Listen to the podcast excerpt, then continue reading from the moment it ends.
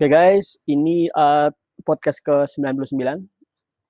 Kaitannya saya akan mengadakan, di Networker Indonesia akan mengadakan sharing sukses story yang sudah lama nggak dilakukan. Ini sudah sekitar tiga bulan yang terakhir ya, untuk sharing yang terakhir. Oke, kita akan ngebahas, kita akan datangkan satu narasumber, Mas Saiful Sabril. Kamu bisa cari loh ya di internet, Saiful Sabril, SJA Saiful Sabril silakan silakan dicari kalau pengen tahu.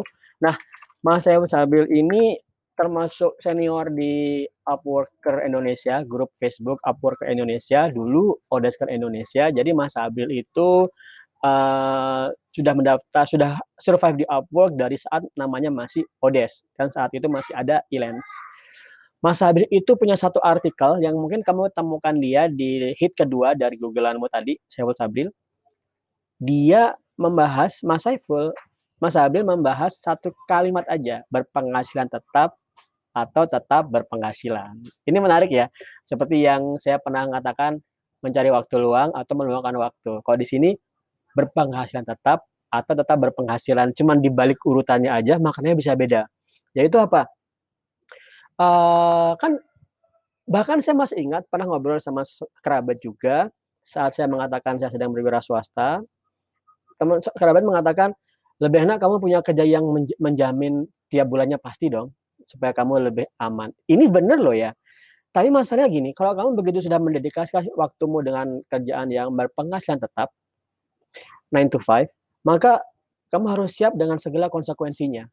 Waktu yang 9 to 5 habis, bahkan juga transportasi on-site, dan lain sebagainya yang sudah sering saya banyak saya uh, sampaikan dan saya elaborasikan segala positif dan negatifnya, tapi kebanyakan negatifnya ya. Oke. okay.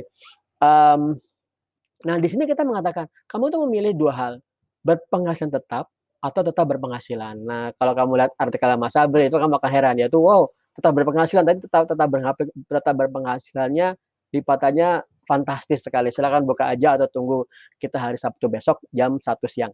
Nah, teman-teman, ini adalah mindset yang kita akan bahas dengan Mas Sabril nanti. Ini adalah mindset antara memilih kenyamanan dan kepuasan. Tidak selamanya sama loh ya. Kadang-kadang kan seperti ini. Uh, memang sih uh, untuk menghilangkan peluang berpenghasilan tetap, berarti kita ada peluang tidak berpenghasilan sama sekali atau berpenghasilan besar sekali. Jadi ada ekstrim negatifnya kita bisa-bisa nggak berpenghasilan. Artinya kita bisa minus, yaitu uh, tanggungan dan segala macam tidak bisa ditutupi dengan cash flow bulanan. Nah, ini menakutkan ya. Nah, ini ini yang ngebuat saya saat ada teman-teman yang uh, ingin resign, maka saya interview dulu, nggak boleh langsung resign, harus ada tabungan, harus ada job remote work dulu dan lain sebagainya. Yaitu tidak boleh asal sanang selonong, tapi harus tetap. Nah, kemudian di di uh, mindset ini yaitu tetap berpenghasilan, kamu harus sadar bahwasanya usahamu, uh, penghasilan bulananmu itu tergantung usahamu. Kalau kamu berpikir seperti ini, kalau aku kerja di kantor juga seperti itu, usahaku tergantung dengan gajiku tergantung dengan penghasilanku. Enggak gitu loh ya. Kerja di kantor itu begitu kamu sudah fix tetap, ada kalanya kamu di suatu bulan kerja berat banget, lembur-lembur, ada kalanya di suatu bulan kamu libur, tapi penghasilanmu tetap. Ini bagi orang yang menghargai waktu jam kerja harian itu nggak nggak asik banget. Kenapa? Karena kalau kamu kerja di uh, freelance ya, uh, remote work, Begitu kamu suatu hari, satu bulan itu kerjanya full, maka bayaranmu full. Atau kalau kamu kerja lebih, bayaranmu lebih.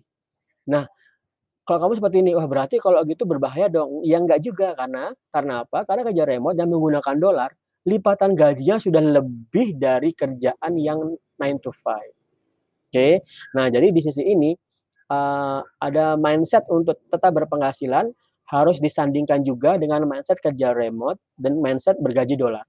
Tapi masalahnya adalah kalau kamu masih menggunakan mindset kerja dalam hitungan rupiah sebagai uh, profesional, nah ini mengkhawatirkan. Yaitu ya yaitu apa? Karena kamu bisa mendapat income yang minus yang tidak memenuhi kebutuhan bulananmu. Nah, Mas Sabil Mas Sabil itu uh, programmer Ruby on Rails. Kalau saya Python, Mas Sabil itu programmer Ruby on Rails dan sangat-sangat kompeten. Kalau kamu ingin lihat berapa rate-nya di Upwork, kamu bisa cari deh ya. Uh, coba cari pakai Upwork Sabril. Ya, ketemu. kamu bisa Google Upwork spasi Sabril. Rate pertamanya uh, hit pertamanya Mas Sabil itu rate-nya tetap kamu bisa lihat di situ sebentar mana ya? 70 dolar per jam. oh, saya belum belum login jadi saya belum belum bisa ngelihat.